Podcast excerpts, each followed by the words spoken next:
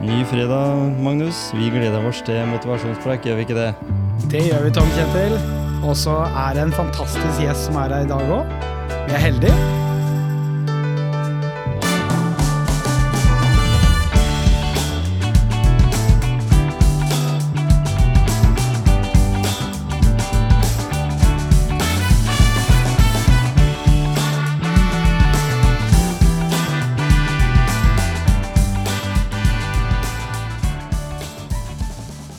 Ja, da har vi fått, eh, ikke i studio, eh, heller ikke denne gangen, men vi har fått på telefon med oss eh, Marius Løken. Velkommen til motivasjonspreik.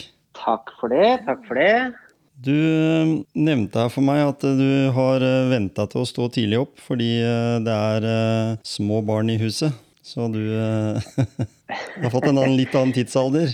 Når man har, har lita, lita jente på halvannet år, da, da er det bare å komme seg opp og bli eh, A-menneske enten vil eller ikke. Nemlig. Det, det er viktig, og jeg vet det sjøl, for jeg har hatt både barn og har barnebarn i ung alder nå, så jeg vet hvor mye tid sånt tar. Eh, litt, eh, litt om deg. Du er eh, 1989-modell. 1989-modell. Født og oppvokst på det er jo bygda, da. Hemsedal. Selv om det er eh, blitt lurt at det er sånn typisk turiststed. Folksomt der, selv om det er litt av bygd. Så jeg er ganske habil på alt som har med ski å gjøre. Både nedover og bortover. og Ja. Afterski er jo en, er jo en skigrein i Hjemsdal òg, for så vidt. Ja, ikke sant? ja, så, jeg si at jeg er jo alt, alltid vært en sånn veldig sosial fyr, da. Det er vel det som kanskje kjennetegner meg, at jeg vokste opp veldig sosialt. ja. Med nærheten til mange gode venner, vil jeg tro. Da på et sånt sted, så blir det vel det. Ja, så tror jeg mora og faren min de kjørte taxier og minibusser. Mm. Og da ble jeg vant til å møte folk hele tida. Så jeg tror nok det hadde en veldig stor uh, rolle i at jeg ble veldig sånn nysgjerrig på mennesker da, i Mhm. ung alder.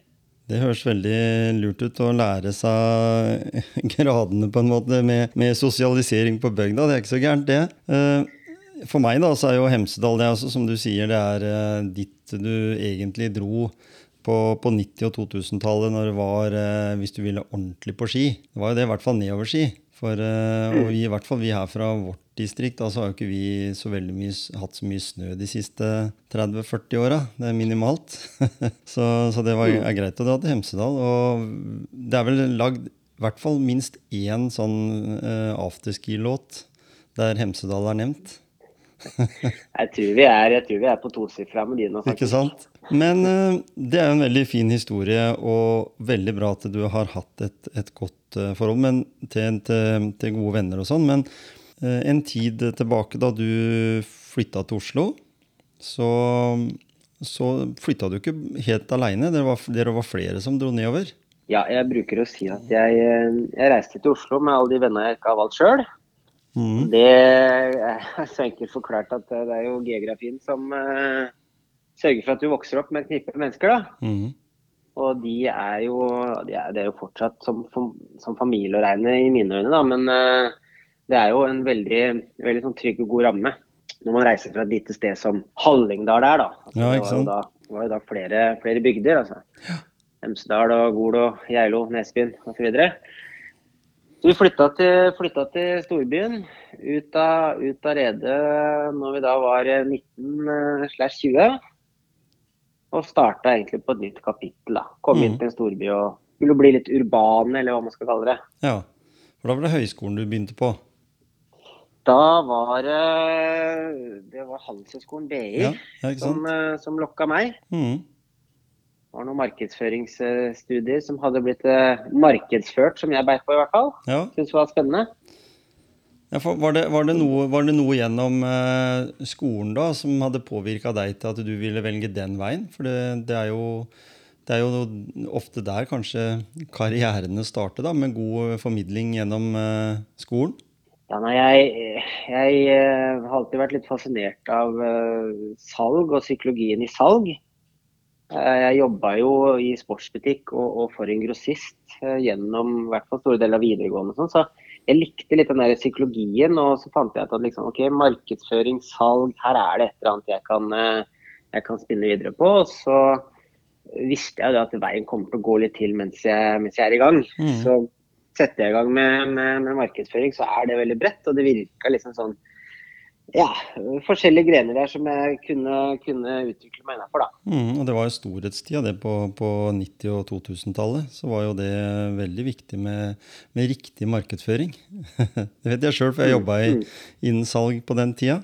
Så, så det var veldig mange gode løsninger. Men så, så var det jo dette her da med det som skjedde søndag 30.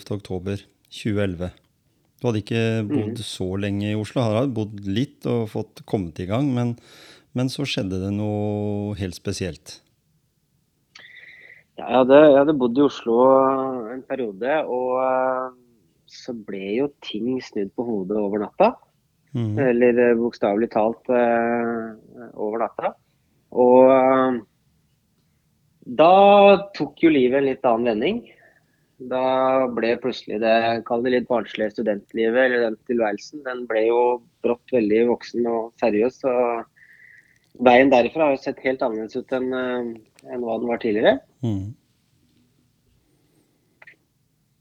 Så, så jeg kan jo fortelle litt sånn i grove trekk hva Ja, som skjedde. ta, ta en liten en kortversjon av det, for det er jo ikke den motivasjonen vi er mest opptatt av. Men eh, ta kortversjonen, så, så folk blir litt kjent med deg. Mhm. Det da brått ble involvert i, er jo det media kaller for halloween-drapet. Altså, det var jo media som, som hadde satt det navnet. Eh, Jeg våkna jo opp på sykehuset til overskrifter og forsider som, som resten av Norge hadde blitt servert eh, i den perioden. Mm. Og både jeg og gjengen min hadde jo på en måte blitt litt kalt anonyme rikskjendiser. da. Ja. Hvis saken hadde vært så mye, mye i avisa. Men eh, det starta jo som en egentlig helt vanlig lørdag. hvor jeg og et par kamerater hadde tenkt oss en tur ut på byen. Og, og eh, Andreas, eh, en kamerat jeg da mista den kvelden, han var utkledd som Zorro. Det var jo det nærmeste vi på en måte kommer til halloween, da. Mm. Men det var jo den, det var den helgen og den lørdag som ligger tettest opp til 31. oktober, og da har jo vi eh, tatt eh, halloween fra USA til vårt bryst. da. ja, ikke sant? Knask og, knask og knep og spindelvev og gresskar med lys og osv. videre Så, -hmm. så um, gikk vi og traska en del, for vi kom ikke inn fordi Andreas hadde på seg kostyme. Og um, da gikk vi eh, flere kilometer den kvelden her. Til slutt så fant vi et sted hvor vi, hvor vi kom inn, og da tenkte jeg at du, nå er jeg så lei, så jeg, jeg var veldig kort sted da, på den, den puben, om vi skal kalle det det. Mens, eh, mens eh, Andreas ville bli igjen litt til. Og så hadde jeg tatt verdisettene hans, han hadde jo på seg kostyme, og da var det ikke noen lommer. Nei. Så jeg hadde jo da litt sånn overflødige verdisaker i lommene mine. Og han skulle komme inn og da hente det, for vi var rett ved liksom, den leiligheten hvor, hvor jeg bodde med, med gutta mine, som ikke var med på byen. De hadde Mm. gått og lagt seg og tok tidlig kvelden. Så jeg kom til leiligheten, og det er nattastemning, lyset er skrudd av. Andreas kommer rundt 20 minutter etterpå. Han skal egentlig bare plukke opp tingene sine, og så legger han seg da ned på senga mi. En ganske sånn stor, stor, digg seng. Og um, han slokner ganske raskt, og så går døra til soverommet opp i full fart. Og da er jo den ene, ene kameraten min, altså nå en av samboerne mine, så han stormer inn, har bare på seg en boksershorts, han har med seg en stor kniv, den store kniven i, i, i samlinga vår fra, fra kjøkkenbenken. Og da oppstår jo fullstendig kaos på soverommet, hvor uh, han går til angrep på Andreas. Jeg må blande meg inn. Så ender jeg og han opp i en, uh, en ordentlig fight. Um, jeg må til slutt prøve å komme meg unna, komme meg ut av leiligheten, bli tatt igjen, og vi har et uh, skikkelig basketak. Jeg klarer å til slutt rope på hjelp, jeg kommer meg ikke unna. Og det hører naboen i femte, så han beiner jo ned og kommer til unnsetning. Og da følger kompisen min med, med kniven etter da naboen, så jeg får muligheten til å stikke av. Jeg er veldig hardt skada. Husker jeg går og er seineferdig, så når det kommer til motivasjon, så vil jeg jo si at der er det rent og skjært eh, instinktet som har tatt over. Mm. Og kommer da til slutt ned på gateplan, ut. Der er det jo et lyskryss, og der står jo en sølvfarga bil. Det er Monir i eh, Oslo Taxi. Han står og venter på, på grønt lys. Lukker opp døra, spør om jeg kan få hjelp, for nå er jeg seineferdig. Og vi durrer av gårde til legevakta i en vanvittig hastighet. Og så går ferden da videre opp til Ullevål, og elleve dager i eh, det som heter medisinsk koma. da. Altså de la meg la meg til å sove dypt inne i drømmeland, mens jeg kom meg gjennom litt blodpropper og, og lungebetennelse og litt sånne typiske ting man får. Og så våkna jeg opp og ja, Andreas levde ikke lenger. Eh, kameraten min som gjorde dette her, var tatt i forvaring og under utredning slash fengsel. Eh, media hadde gjort en stor greie ut av det, og venner og familie var overalt på sykehuset. Så Mm. det var kortversjonen. Ja. Og, det, og det, jeg leste et sted at du hadde jo fått eh, Det var ganske mange liter blod overføring også for å på en måte komme velberga gjennom den prosessen på de elleve dagene. Det, det var uh, veldig mange enheter, ja. Mm. Uh, de hadde jo ikke noe annet valg enn å tilføre blod. Det var jo det mest prekære. Tilføre blod. Mm. Og så fikk jeg vite at det var en eller annen sånn saltvannsblanding de også har brukt. Mm. Eh, som visstnok skulle gjøre at det på en måte rensa seg og, og rant litt fortere, og det var bedre i forhold til infeksjon. Og... Så jeg var en del av et prøveprosjekt faktisk, som jeg først fikk vite to år etterpå at eh, det var den blandinga jeg hadde fått. da. Mm. For, for det er klart at det er Ja, ikke sant? Og det er jo forferdelig mye, eller stor skade det når, når du har fått blitt påført så mange, mange stikk, spesielt i overkroppen og, og sånn, da. Det, det ser en jo for de som, som googler deg, så ser de jo det at det er en god del eh, arr. Som har for så vidt legas veldig godt, da, men, eh, men spørsmålet er jo da Eh, jo, dette gjorde jo noe med deg. Altså, men du nevnte også at nettverket ditt, eh, vennene dine, eh, familie De blei vel utsatt for voldsomt eh, mediekjør i de dagene du ikke var tilgjengelig? Det gikk veldig hardt utover alle rundt meg. Det er det ingen tvil om. Og um, det handler egentlig om at uh, altså, man visste så lite. Ja. Det var så innmari stort behov for informasjon. Mm. Og, og da hører du med at altså, eh, research og journalister osv. De, de gravde seg jo ganske langt ut av det vi kan kalle den indre kjerne og sirkel. Mm. Så det var jo de gjerne De fleste referansene de fikk tak i i starten, var ganske langt ut uh, ledda. Men jeg husker jo også at uh, altså, det var jo ikke bare, det ikke bare meg, det var jo alle involverte parter. Fikk jo merke da at dette her var, en, var blitt en offentlig sak. Dette var ikke bare en liten hendelse med ting som skulle bearbeides. Dette var en, dette var en mediasak. da. Mm. Og det, da finner man ut at Norge er et lite land. Eh, sakene blir mye, mye større her enn de ville bort, blitt i USA f.eks. Selv om alvorlighetsgraden er den samme. Mm. Mm. Mm. Når du tenker på den eh, oppkjøringa da etterpå Du våkna jo da elleve dager etter. Eh, regner med det at det var en eh, oppvåkning som var or organisert av, av sykehuset, da, siden du var eh, lagt i kunstig koma? Eller våkna du sjøl? Jeg ble, jeg ble, jeg ble vel fillerista, tror jeg, for å komme mm. opp. Mm. Uh, og og, og eh, da var jeg jo ganske om, eh, omtåka. Jeg var jo fortsatt uh, godt med medisiner i kroppen og litt sånn, så til å begynne med så skjønte jeg jo ikke opp og ned på meg sjøl, men så ble jeg jo jeg ble klarere i løpet av de neste si 24 timene. Mm.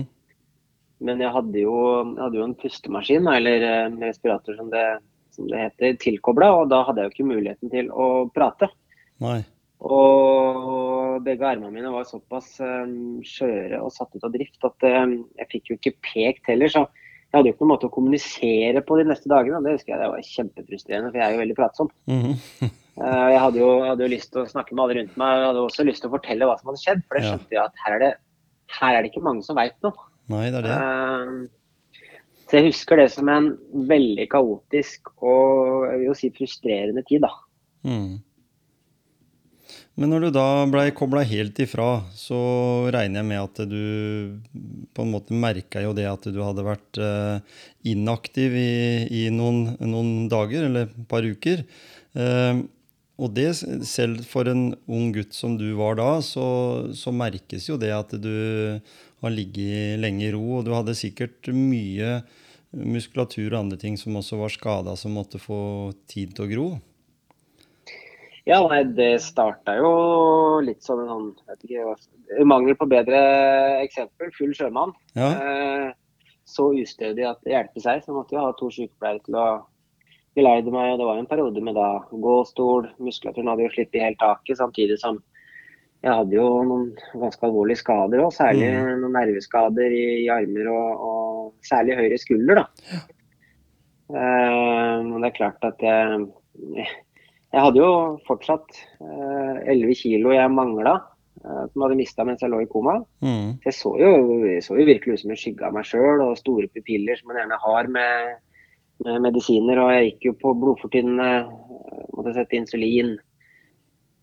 Ja, generelt litt ledninger eh, her og der. Så det var jo en eh, Selv om det var en intens, så var det jo en litt krevende rehabiliteringsprosess i, i eh, de neste ukene, da. Mm. Det vil jeg tro. Og da når du eh, etter hvert begynte å fungere igjen, så merka du vel eh, litt den her mentale eh, Eller hva det hadde gjort med deg sånn rent psykisk. For det, det kom jo veldig tydelig fram, den jobben du har gjort med deg sjøl gjennom foredraget ditt spesielt. Mm, mm. Det, har, det har virkelig vært en reise. Og jeg, jeg regner jo sånn i ettertid at jeg har brukt ca. halvannet år på å være en ganske dårlig utgave av meg sjøl. Mm. og det er, det, det er jo det jeg virkelig har lært noe av da, i den perioden der. Og jeg har først og fremst lært noe av at uh, jeg kom jo ikke av flekken før jeg begynte å innse ting selv. Eh, det er jo ingenting som ordner seg av seg sjøl. Og så har jeg jo lært egentlig mest av fraværet på ting jeg ikke gjorde i den perioden. Mm. Hvor viktig det faktisk er å gjøre en del ting, og hvordan ikke minst hvordan er det vi er bygd opp. da.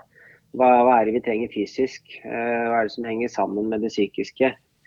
Eh, ikke minst så handler det jo litt om at jeg, jeg måtte jo ta eierskap til ting òg. Det er også en viktig faktor.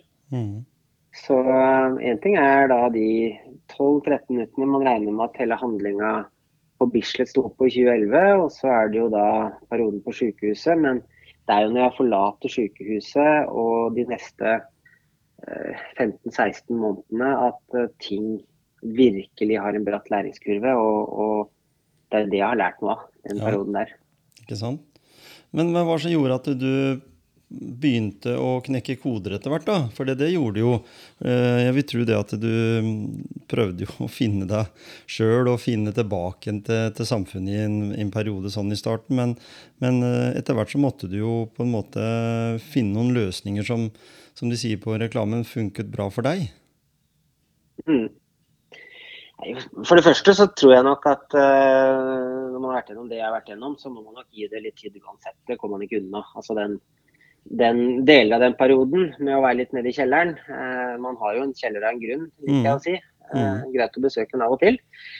Men eh, når det er sagt, så tror jeg det er veldig individuelt hvor lenge man trenger å stå i det. Nå hadde jo jeg noen ganske alvorlige traumer. Jeg hadde jo virkelig mangel på søvn fordi jeg hadde blitt angrepet i en sånn situasjon. Og så hadde jeg mareritt som gjorde at jeg våkna jo etter jeg hadde sovna igjen. Så jeg hadde jo en virkelig fæl fiende i at jeg mangla søvn. Mm.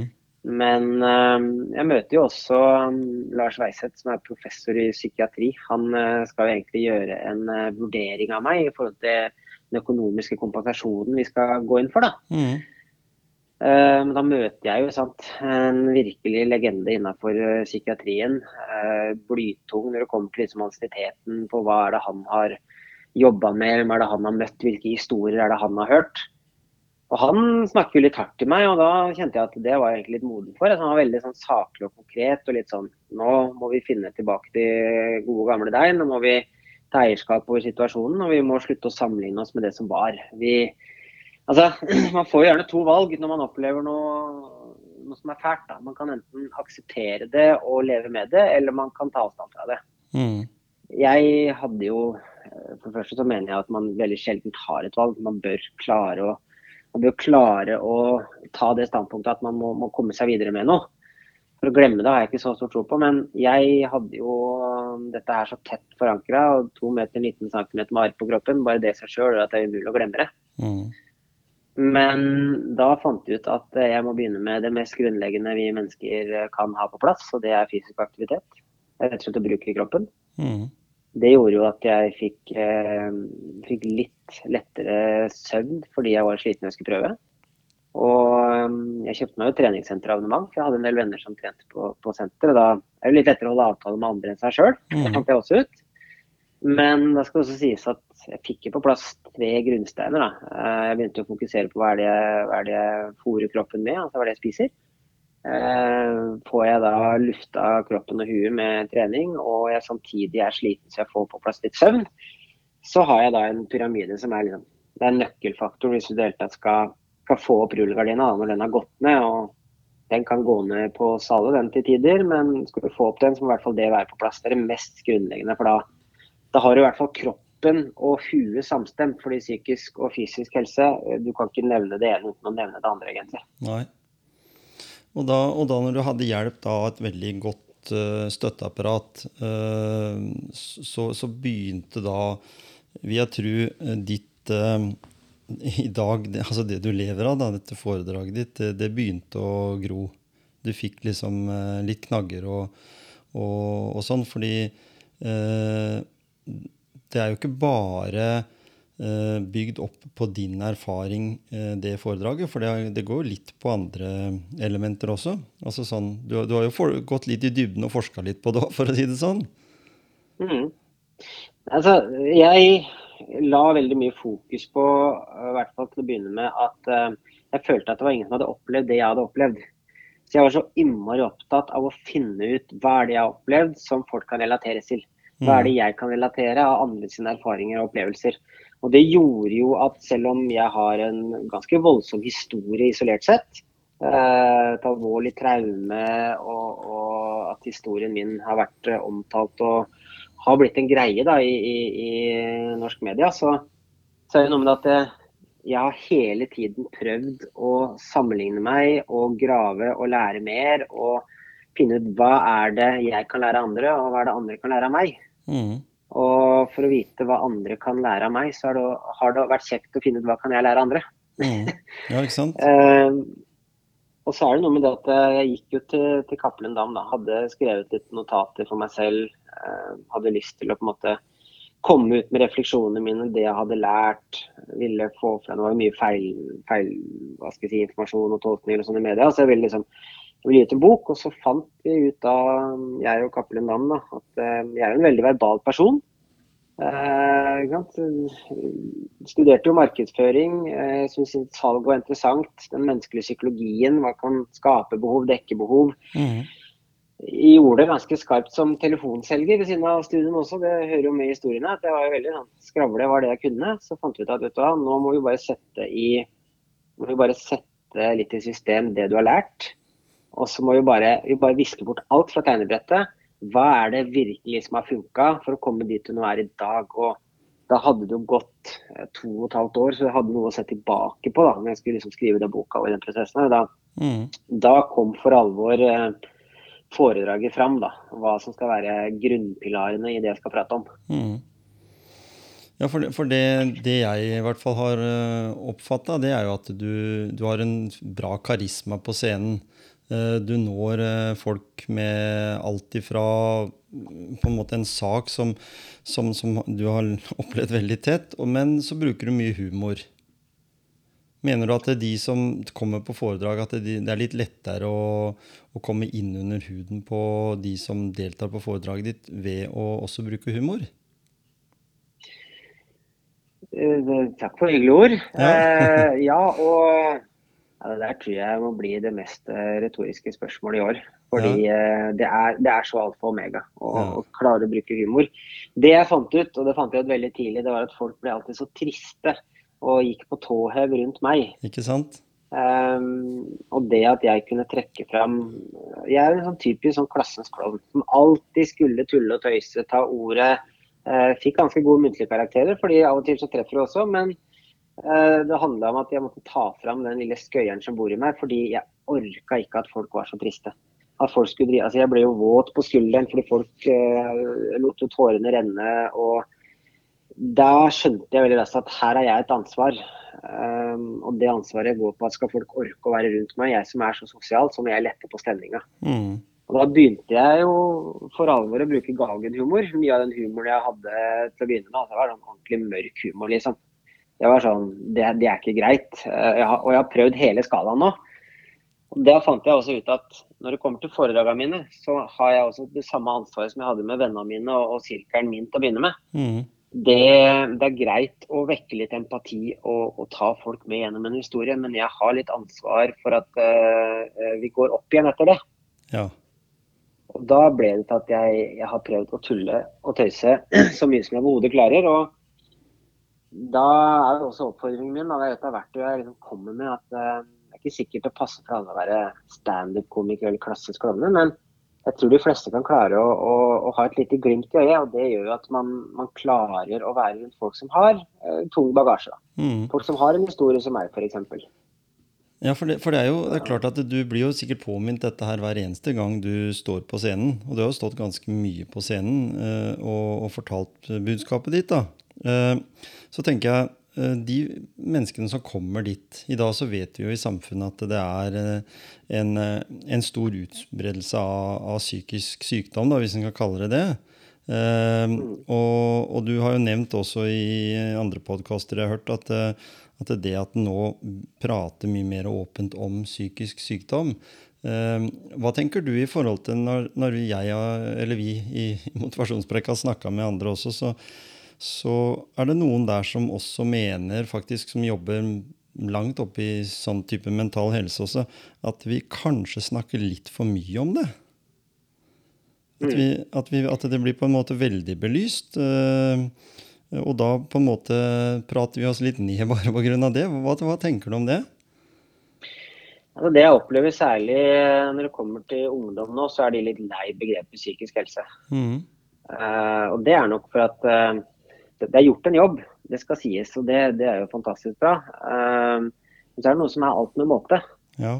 Hvis man blir, uh, hvis blir tvinga på uh, psykisk helse, psykisk helse uh, i alle mulige settinger, og det blir altfor altså det blir pressa på en, så tror jeg ikke det er bra heller. Men jeg har, jeg har veldig stor tro på å heller legge til rette for en viss åpenhet i samfunnet. Og det jeg mener med det er så lenge man vet at det alltid er noen man kan prate med, så lenge man vet at uh, det finnes en miljøterapeut på skolen eller en helsesøster, det finnes en HR-person, du, du, kan alltid spørre jobben om de vil dekke en psykologtime. Altså, så lenge man er trygg på at det finnes hjelp rundt seg, så tror jeg det er det aller aller viktigste mm. vi kan gjøre i samfunnet. For det, det, tror jeg de fleste kan relatere seg til. at Så lenge du vet at du har en venn eller to som du kan prate med om alt, så gjør det at eh, du trenger ikke nødvendigvis av og til å prate med dem også. Nei, ikke sant. Så et, et, et svar litt til høyre i forhold til spørsmålet. Og, og det jeg mener er at eh, jeg, jeg er delvis enig. Man, man kan nok absolutt eh, risikere å prate det litt i hjel. Men alt med måte. Ja, for det er litt den der graden, tenker jeg. Da. Det fra, fra det å være trist eller deprimert, liksom. Altså kontrasten her. Eh, det kan godt være at det er mye depresjon blant ungdom, men, men kanskje aller mest eh, en, en, form for tristhet. da, At, en, at du greier å, i hvert fall å bryte opp litt det der med å bruke humor. At folk uh, ufarliggjøre ting. Se hva han, han, han Det blei jo folk av han nå, liksom. Enda han var jo gjennom, gjennom det. Og alle, alle med, for, med, gode foredrag, da, de har jo en, en god historie i, i bånn, men, men den må jo den behøver ikke nødvendigvis kanskje alltid være så ekstrem som den du har vært med på, men allikevel så skal jo den lille kontrasten der skapes. Så, så jeg vil jo si all ære til at du kanskje egentlig prater eh, lite om eh, selve ulykka, eller, eller halloween-drapet, da, eh, men at du prater mer om eh, hva andre bør gjøre. Og det er jeg litt interessert i. Eh, motivasjonspreik her er interessert i Si litt om dine verktøy, da. Hva er det verktøy for at du skal motivere de? For, for, det er jo litt sånn at når du har 100 stykker som hører på deg, så vil jo du gjerne at det skal gå 100 stykker ut derfra og, og være en litt bedre utgave av seg sjøl. Ja, og det, det jeg virkelig ønsker å oppnå, er jo fordi jeg vet jo at man, man, det er jo forskjellige ting man trekker ut av, av foredraget mitt. I hvert fall hvis man tenker det snu motgang til medgang-foredraget, som er liksom det jeg har holdt klart mest. Mm. Um, og Det er veldig forskjellig hva man tar med seg, men det er ikke noe hemmelighet heller at uh, historien går litt foran meg. og Det er den som gjør at jeg får muligheten da, til å dele de verktøyene som jeg da igjen brenner for. Mm. Uh, og Det er de det er på en måte givende å, å kunne prate om. og det starter veldig basic. Da. Det er jo det første jeg nevnte her i stad, med, med, hvor tett fysisk og psykisk helse henger sammen. fordi hvis ikke, man, hvis ikke, man, har det verktøyet, så er det litt som å hva skal jeg si, ta på din egen oksygenmaske før du hjelper andre. Det er mm. eh, jeg si, et eksempel jeg har der, med at liksom, det er din egen oksygenmaske. Den må på først, før du i det hele tatt har gjort noen ting. Mm. Få opp rullegardina. Derifra så handler det litt om at eh, vi, vi, er jo vanedyr. Så vi er jo egentlig litt avhengig av altså almanakk, Post-It-lapper, kalendere, informasjon på kjøleskapet. altså vi er avhengig av rutiner, vite hva vi skal. altså Det er jo sånn vi mennesker funker best. Mm. Og um, har vi det litt vanskelig, eller det blir litt mye, så er det etter den fysiske aktiviteten. Altså er rutiner gjerne det neste på lista av hva som ryker. Mm. Og bak gode rutiner, og særlig det begrepet 'fake it uh, till you make it', der tror jeg det ligger noe. Mm. For det å kanskje av og til bare tvinge seg litt opp om morgenen, det å motivere seg til å bare gå og sette på en ekstra vask med klær, det er sånne ting som gjør at du sakte, men sikkert uh, tar tilbake kontrollen. Altså hjula begynner å rulle. Og um, så jeg er veldig opptatt av at eh, ting går jo. Det er jo kjas og mas. Og det er jo mer enn nok eh, ting på både kalenderen og tapeten for folk flest gjennom uka. Men det å stoppe opp litt og på en måte gjøre et eller annet som du virkelig har lyst til å gjøre, det har jeg kjempetro på. Mm. Altså litt sånn gjør noe, altså, krev godfølelsen. Om det er å se en film selv om det kanskje er litt seint, eller om det er å, å, ringe en gammel kompis du burde ringt for åtte måneder siden, og dere er fortsatt like nære, men samvittigheten din har kanskje sagt at der må jeg ringe. Eller altså, om det er å gå med på brygga, kjøpe seg en softis. Altså, man veit jo sjøl hva som gir en godfølelsen. Det kan mm. til og med være å bare se på seg sjøl i speilet og bare vet du hva, i dag ser du bra ut. I dag er du sharp. Men det, det, har jeg en rutine på. Det å kreve godfølelsen. Det å av og til heller måtte ta neste morgen med et par ekstra kopper kaffe fordi jeg har krevd litt kveld. Um, og så er det kanskje det viktigste verktøyet mitt. Det er eh, der jeg føler jeg har hatt min sikkerhet til, og det er jo i folka rundt meg. Mm. Og For å utdype det, så, så er det noen at gjennom grunnskolen så har de fleste av oss lært at det er kjekt å kunne samarbeide, og gruppeoppgaver fikk man jo av og til. Og det samme mener jeg gjelder for de tyngre oppgavene i livet òg. Det er gruppeoppgaver, akkurat som de du hadde på grunnskolen. Vi er, eh, vi er flokkdyr. Det er ikke noen grunn til at vi skal måtte ta alle problemene våre alene. Vi har overlevd gjennom menneskets historie fordi vi har eh, holdt sammen. Og der ligger det veldig mye svar. Og det eh, er veldig synd at vi nordmenn er et sånt folkeslag som knapt prater sammen på T-banen og trikk og buss. Mm. Det er for gærent at det må være sånn. Vi hilser på hverandre på fjelltur. Det er fascinerende nok. Da snakker vi om både geiter og lemen og det vi møter. Men sånn naboen og folk vi møter rundt eget hushjørne, der er vi ikke sikre på om vi skal verken blunke eller nikke eller uh, vedkjenne oss noen ting. Så det, det, å, det å være litt hyggelig med folk, de du møter på butikken, biblioteket, på bussen, i busskuret, altså ved søppelkassa eller postkassa, de du har muligheten til å holde døra for, eller bare gi et smil til.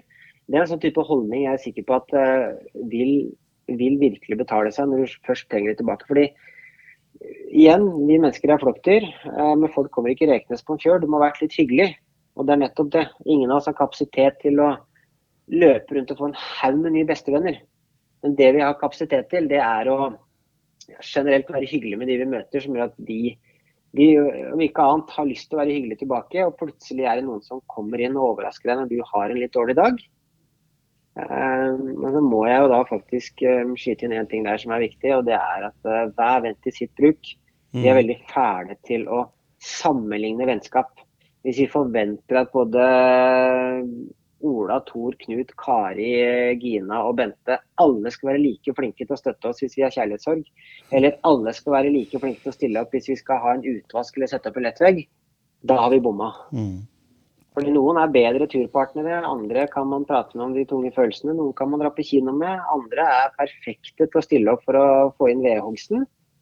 Så det å aldri putte et vennskap inn i et Excel-ark og tenke at du skal alltid ha det samme, og da vil noen alltid skuffe deg og noen imponere deg, men heller bare investere litt. Vær hyggelig med de rundt deg, vær hyggelig med kollegaene dine. De bruker jo 50% når du trekker fra helga i våken tilstand med. Ja, ikke sant? hils, på, hils, på, naboen, for mm. naboen kan gi deg en klapp på skulderen når du har hatt en lang arbeidsdag.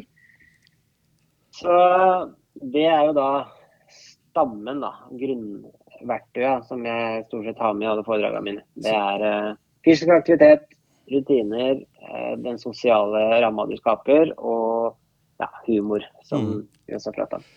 Det som du sier der med å klappe på skuldra, jeg er helt enig i det. Å kunne gi oss en sånn ekstra kopp kaffe til en. Og, jo, tusen takk. Liksom, du ser jo, vi, vi reagerer jo på det. Eh, hvis jeg får, får noen sånne eh, hyggelige tilbakemeldinger også. Eh, har en klipt seg, f.eks.? Det gjelder jo kanskje ikke deg og meg, da, som ikke har så mye i sveisen, men, men uh, i hvert fall av de som, som, har det, så bare en liten sånn oppmerksomhet. Det er ikke så veldig mye som skal til for at den gjør dagen bedre. Uh, vi har jo vært igjennom over to år med pandemi. Uh, det har kanskje forma oss og endra oss litt, men vi, vi kommer jo veldig fort tilbake til den normale hverdagen, da. Med å, med å dele både lue og, og drink. Men jeg tenker på allikevel uh, Når du nevner det her med, med de elementene, så er, så er, jo det ganske enkle elementer du kommer med. Uh, og det er jo det som du sier også her, uh, som jeg har hørt, at, at det er litt Rema 1000-metoden. Og jeg har veldig tro på den mm. sjøl.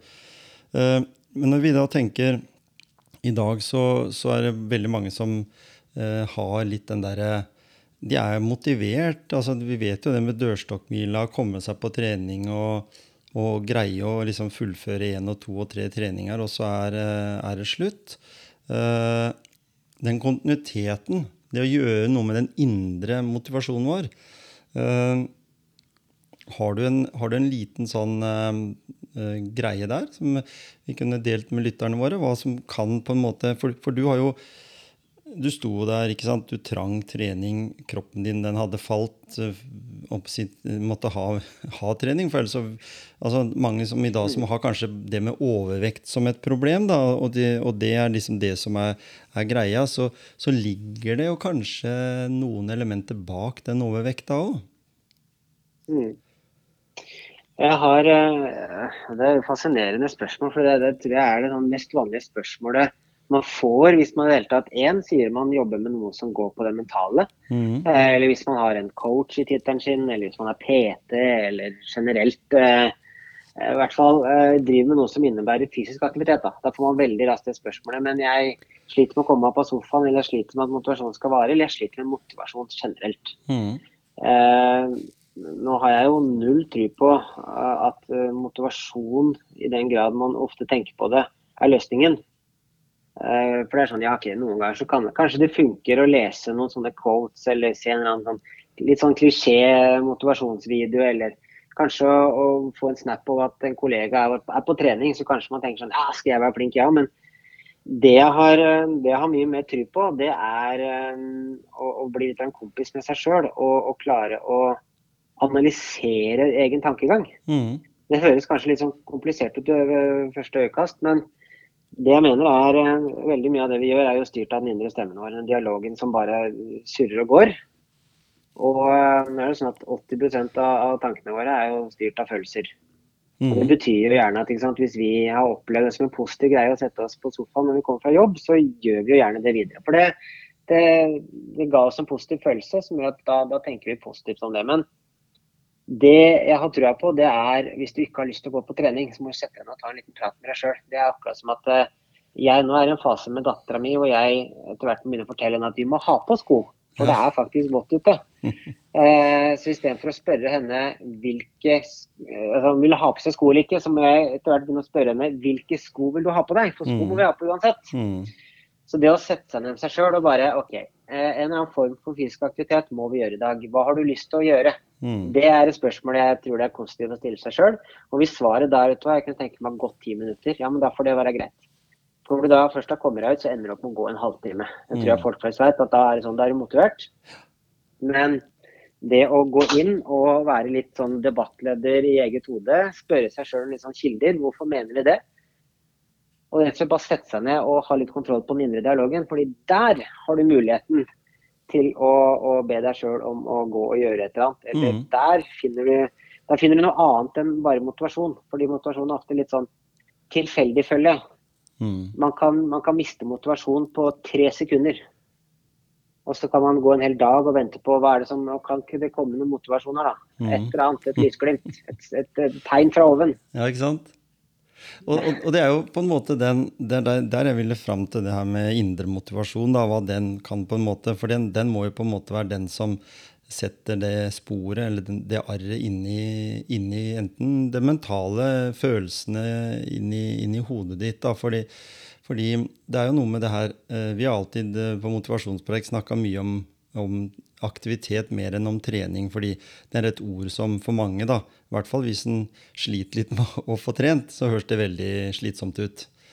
Eh, mens en aktivitet, som du sa, gå en tur, eh, innføre sånn fast prosedyre, kanskje bare ti minutters tur, så, så går det plutselig fem minutter for å dra på turen, og så fem minutter til å komme seg inn igjen nå. Så, så, så, gjør det noe med også den herre eh, å være ute, ved å komme seg ut. For det kan jo også, også på en måte stimulere litt den, den motivasjonen. Jeg er enig med deg i at det, ordene motivasjon, inspirasjon, det blir brukt veldig mye om hverandre. Og jeg tenker alltid at eh, en må ha noe som en blir inspirert av. Det kan være at du inspirerer eh, de som er på foredraget ditt, til å få en bedre hverdag når de går ut derfra. Men det kan også være at, eh, at eh, en ble inspirert av en god nabo, f.eks. Du nevnte jo med klapp på skuldra og, og sånne ting. Så, og, og da setter det litt mer eh, karakter, da. For vi mennesker er jo, som du sier, vi er jo vanedyr. Jeg må jo si jeg glemmer alltid den her eh, tøyposen når jeg skal ut og handle. Jeg tar, må kjøpe plastpose, fordi jeg tror ikke jeg greier å få gravert inn i hodet mitt at jeg må ta med meg. Så tar jeg den med meg, og så glemmer jeg neste gang når jeg har tømt den. ikke sant? Så, med, så, så min, min uh, greie må ligge der og finne en god løsning på det hvis en har lyst til å slippe alle disse plastposene. da. En, en ubetydelig greie oppi denne ellers så uh, litt uh, vanskelig verden vi lever i. Men allikevel, det er min lille greie, da. Ja, men det, det, det, jeg føler det, og det blir så relevant i forhold til altså, en del ting. Et, et, et, godt eksempel nå er stress. Mm. Stress er jo utgangspunktet faktisk en bra ting, hvis man bare har kontroll på det. Mm. For det som ligger i det, er jo det er en viss alarmberedskap. Det er sånn, ok, Du stresser eh, før en innlevering eller før en frist eller du skal rekke et eller annet. Men hvis du har kontroll på det, så kan du bli ekstremt effektiv. Fullstendig inn i modus. Mm. Men så er det sånn at 75% av det vi stresser over, får vi ikke gjort en skit med. Så det gjør jo at vi tar på oss alt mulig annet ansvar, både lokalt og regionalt og nasjonalt. og det er ikke måte på. Men eh, jeg har veldig stor tro på det at man kan bruke en del av de tingene som både er styrker og svakheter, veldig strategisk. Mm. Jeg tenker at hvis man først, En ting er jo å få kontroll på den indre dialogen. Hvordan er det du prater til deg sjøl, hvilke mål er det du setter deg. Hva kan du, du overtale deg sjøl til? Uh, for du er jo liksom din verste fiende og eventuelt din beste coach hvis du vil. Mm. Men vi har en del sånne faktorer på utsida som betyr at jeg, jeg er veldig opptatt av at hvis jeg stresser, så har jeg bestemt meg for at jeg er helt rå under stress. Så jeg klarer veldig ofte å få det stresset til å bli konstruktivt. Og hvis jeg merker at jeg har en ordentlig dårlig dag, jeg ikke har kontroll på egne tanker i huet, så prøver jeg faktisk å sammenligne meg med noen jeg har lyst til å føle meg bedre enn. Mm. Og det høres sikkert litt kynisk ut, eller litt sånn ja vel, hva mener du? Nei, det kan være naboen. Men jeg tenker at vet du hva, hvis naboen er ute og har seg en treningstur nå, da skal jaggu meg ikke jeg være noe dårligere. Jeg er ikke noe dårligere enn naboen. Jeg er bedre enn naboen. Mm. Sånn kan jeg lure meg sjøl litt. Og ser jeg noen da på Snapchat eller Instagram som har vært på en treningsøkt, så tenker jeg at fuck it, jeg får komme meg på en økt, jeg òg. Dette blir for dumt. Ja, Så, sant? så går det an å på en måte være litt strategisk og lure seg sjøl, da. Men det er ikke bærekraftig over tid. Man må ha indre dialog for å få til det, tror jeg. Mm. Og, se, og så kunne måle framgang, kanskje? At det er viktig for oss? Det gjelder vel ikke bare det, altså, gjelder, gjelder ikke det bare hverdagstrimmen, men det gjelder jo også hvis en ser på og man prater med toppidrettsutøvere, så har jo de en, eh, en veldig sterk fokus på akkurat det. Mm. Jeg tror for den vanlige mann i gata så handler det om at man må i hvert fall finne riktig parameter. Altså hvilke for eksempel, si Hvis man skal gå ned i vekt, da, så har jeg veldig stor tro på at uh, hvilke to-tre uh, matvarer som jeg vet er dårlige for meg, kan jeg klare å styre unna. Mm. Og Det er kanskje et bedre parameter å starte, men at nå skal jeg ikke ha karbohydrater f.eks. Ja. Eller Eller kjøre den klare å heftige tenke- kura, liksom. Mm. Ja, eller sånn hvor skal jeg være til jul, kontra hva skal jeg rekke nå for fellesferien. Mm. Ja, så Det litt det der, har jeg, råd, har jeg råd til å gå den slankekuren, liksom? For den koster jo Hvis du tenker deg at jeg skulle ha slanka meg, da er det vel egentlig bare å redusere matinntak, og det burde nødvendigvis bli rimeligere enn hvis du spiser mye, men som oftest så følger du ulike kurer som igjen gjør at det blir dyrere. Og så bruker du kanskje økonomi som et alibi for å hoppe av. Spise sunt er dyrere det enn å spise dårlig. Ja. Er, Jeg, jeg har en sånn enkel teori der. sånn Jeg, jeg har en sånn enkel teori for meg sjøl, og den er mange som sier at det, det der funker ikke. vet du. Det var bare sånn de snakka om på 50-tallet. At du egentlig kan spise ganske så normalt. altså Da mener jeg ikke at jeg spiser unormalt, altså mye feit mat og sånn, men du kan spise ganske mye normalt hvis du er normalt aktiv, da. Og hvis du ikke er aktiv en periode, så spiser jeg litt mindre. Og det funker for meg, da igjen, sånn som jeg sa med, med den Vitapro-reklamen. Det funker for meg, men ikke nødvendigvis for alle. mm, mm. Og der føler jeg det er litt så sånn jeg- eh, mm, Jeg tror, eh, jeg tror det med å, å tenke helsa, det kan oppsummeres eh, med et veldig, veldig fin setning. Jeg har aldri hørt om noen som angrer på eh, en fysisk aktivitet. Nei. Aldri. Altså Trening har man aldri angra på at man gjennomførte, i hvert fall. Nei. Jeg vet at du, for å spole vi spoler vi tilbake du, Når du holdt på å si, våkna da etter eh, skadene og skulle begynne å kjøre deg sjøl igjen opp, eh, måtte du ha noe hjelp med noen medikamenter? For altså var kroppen din, du var, var, var du deprimert? Var, var du sånn at du gikk mye på smertestillende, vil jeg tro? Eller kanskje ikke? Hvordan var det? Nei, det var eh, det eneste jeg gikk på, var jo da blodfortynnende. Det gikk jeg på en måned eh, etter jeg kom ut av sykehuset. Mm. Eh, Men etter det så altså Jeg ville jo ikke ha verken sovemedisin eller eh, noe antidepressiva eller den type ting. Og det for at bivirkningen av de, det der sto det at kan medføre psykose. Ja, ikke sant? Eh, Jeg husker ikke helt, jeg husker ikke helt i ordlag eh, hva det sto, men det var i den retning. Og da husker jeg tenkte at det skremmer vettet av meg. Ja. Det er det siste jeg skal. Så jeg gikk nok rundt med, jeg gikk nok rundt med veldig mye mer eh, vondter enn det jeg hadde tenkt, kanskje. Eh, Men jeg ble jo ganske raskt også immun. da. Altså Man blir jo så lei av å gå rundt og ha vondt at man, man bare begynner å skru av. på en måte. Ja, ikke sant? Men når du tenkte psykose, tenkte du da som kameraten din det som hadde skjedd i ulykka? Altså, eller det som skjedde da? Mm. Det var der jeg dro, dro parallellene og sammenligna med en gang. Da ble jeg sånn Ja, men det er helt uaktuelt. Ja, ikke sant? Nå var det jo litt sånn fram og tilbake der for å, for å ta liksom Jeg skal ikke ta for mye om den saken, for nå har vi kommet så godt i gang med det andre. Men jeg tenkte når, når du da Så sto det jo en del skriverier om at det hadde vært rus inne i bildet. eh, og sånt noe, Men så sto det også andre steder at det, det ikke hadde vært det. Så tenkte jeg eh, i, en sånn, I en sånn setting, har det gjort noe med deg og ditt liv? Hvordan, hvilket forhold du har til det?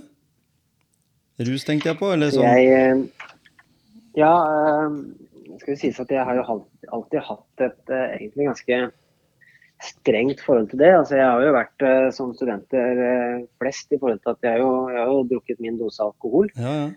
Men eh, utover det så det er klart, Når man har bodd i, bodd i en by som Oslo, så blir man nok litt mer naiv. eh, Eller litt mer sånn eh, likegyldig til det. For man, man blir jo eksponert for folk som tar kokain, folk som Mm. røyker hasj. Man kjenner den søte lukta. Kanskje man går forbi noen vinduer.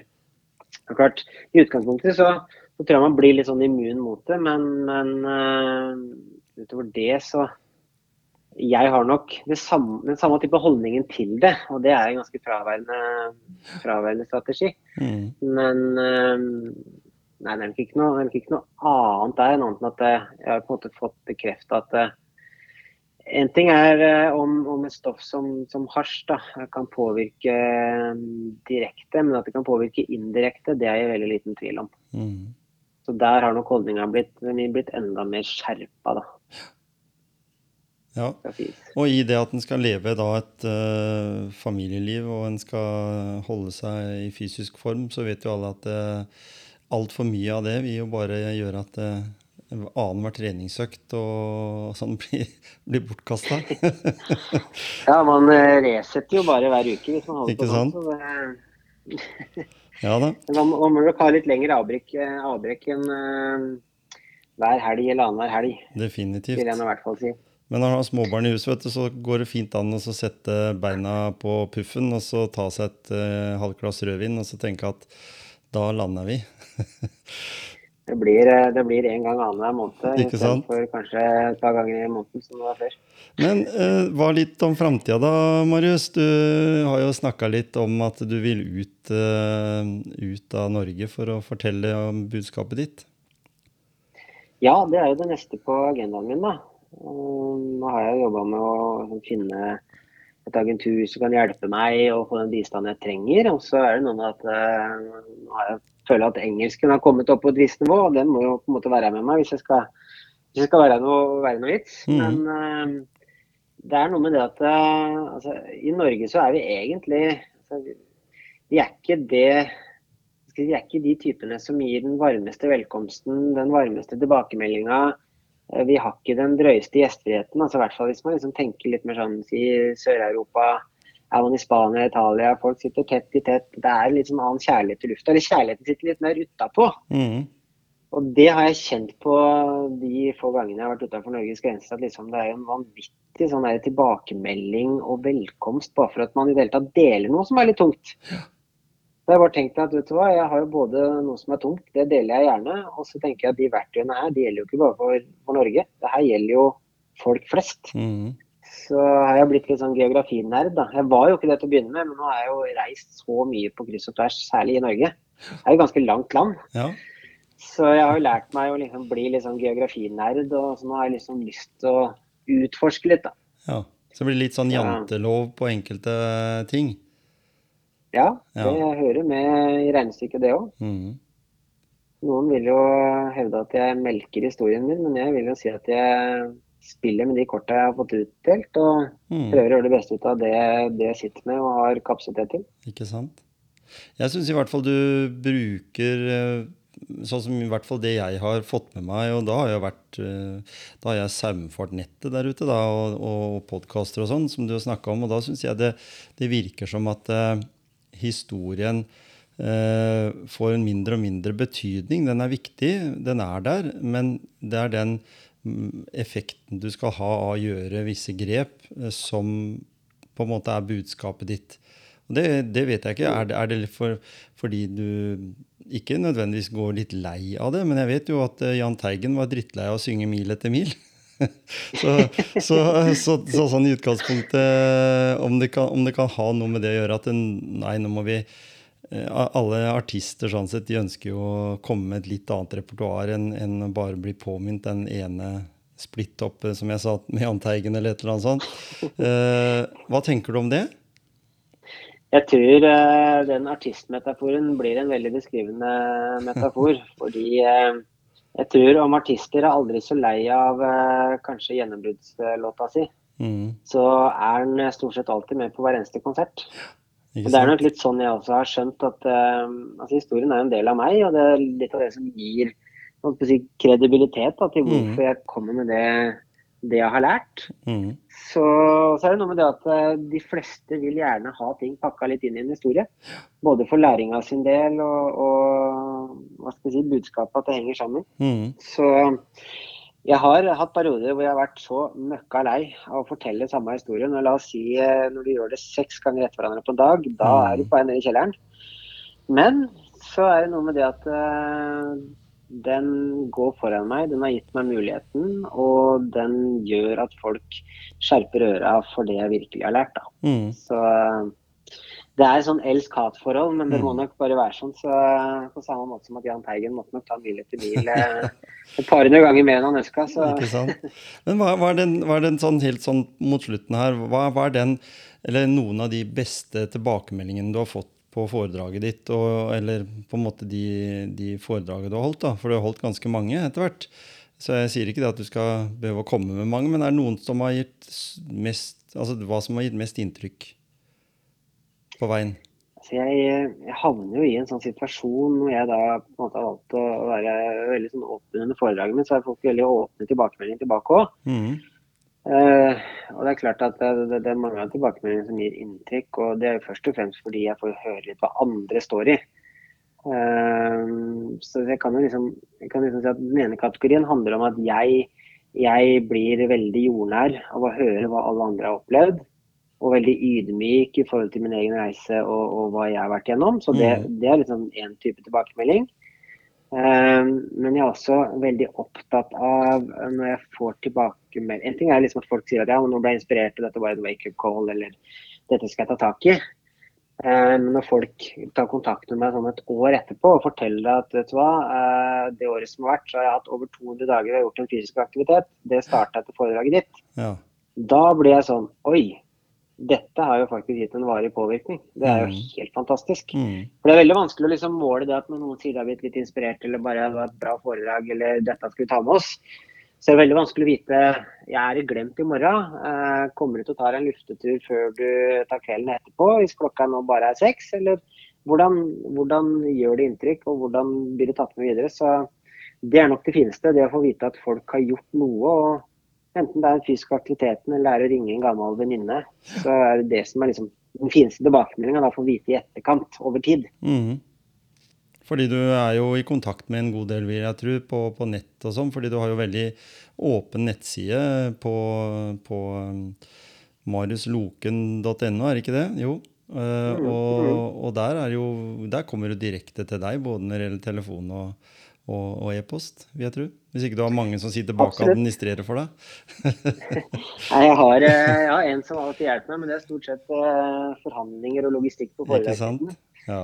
Men eh, nei da. Jeg, og det resulterer jo i at jeg stiller jo opp i litt podcaster, mye sånne skoleprosjekter. da, Hvis det er liksom sånn noen på medialinje eller noen som skal lage en eller annen skoleavis eller Så jeg stiller veldig mye opp på den type ting. da, Det syns Mm. jeg er litt sånn artig, for jeg gikk jo på media og kommunikasjon sjøl. Lagde mye saker og sånn. Så der er en del henvendelser som jeg som jeg takker ja til, da. For jeg tenker at det syns jeg sjøl hadde vært spennende på den, på den alderen. ja, ikke sant? Men øhm, så er det jo klart at det er jo enkelte ting jeg syns er vanskelig å få i fang også. For jeg får jo av og til noen caser i forhold til noen mailer som er sånn Dette burde nok kanskje en fagperson fått. Ja. Hvor jeg ikke får gjort så mye mer enn at jeg får svart litt sånn i overflata at uh, dette var sånn og sånn, og jeg har forståelse sånn og sånn. Men uh, bortsett fra at jeg kanskje hadde tenkt litt rundt det, så ville jeg nok kanskje snakket med en innenfor den eller den sektoren. Da. Nemlig. Ja. For det er et veldig godt fagmiljø vi har der ute. Selv om mange av de er litt overarbeida, så, så er det vel en, en, en trend som sier Eller virker som samfunnet i hvert fall er litt mer interessert i framover å komme med gode løsninger for, for eh, folk, da. Får vi håpe på. Definitivt. Mm. Det er kjempekompetanse. Og, og det betyr at man, eh, hvis man ikke matcher med kanskje den første personen man møter, så går man videre på neste. Det er som å Mm. søke lån i banken. Eh, møter en rådgiver som du ikke matcher helt med, så får du prøve deg på neste isteden. Ja, ikke sant? Være litt mer pågående. Altså, du, du sier jo det eh, at du mener at no, en del av det, det vi på en måte kan gjøre noe med for oss sjøl, det må vi også bruke litt energi på å gjøre noe med. Eh, og, og sånn. Og da kan det være viktig at en ikke skynder seg for fort, kanskje. Ikke har dårlig tid. Du nevnte det her i stad. At en kanskje heller ser fram et år. Hva, hva, hvordan er jeg eh, si, om et år? Uh, Istedenfor å gi seg så korte frister. Selv om det er kanskje viktig med noen del, delmål, så, så er det kanskje aller viktigste å, å på en måte ha en, en, en målsetning. da på, på, en, på et år, f.eks., eller, eller to år for den saks skyld. Det, det er jo ikke noe hast hvis den er ung. Det, det er verre når den begynner å bli eldre og, og kanskje begynner å se at klokka tikker litt. Selv om, selv om det er 80-åringer jeg kjenner til som er i enormt god fysisk form. Så, og det gjør noe med som du sier, med det mentale også. Selv om en aldri har noen garantier for hva som skjer, så er det i hvert fall viktig å, å si at eh, om ikke en lever lenger Det er vel en, en kjent eh, Kaggestad sagt at om en ikke lever lenger, så lever en bedre. Ja. Ja. Mm. Her er bra, bra ordtak, Ja. jeg skal kalle det. Ikke sant? Sitat. Veldig hyggelig å prate med deg, Marius. Vi kunne sikkert sitte og prate om eh, motivasjon og om ulike formler for ting eh, i timevis. Men, mm. men nå har i hvert fall jeg fått en utrolig fin time med, med deg. Eh, sier tusen takk. Takk takk det samme. Så får, så får du eh, av gårde igjen, altså ordne litt med litt bleieskift og sånn som må til, og, og ut og kjøpe softis. Noe i den duren. Ja? Noe i den duren.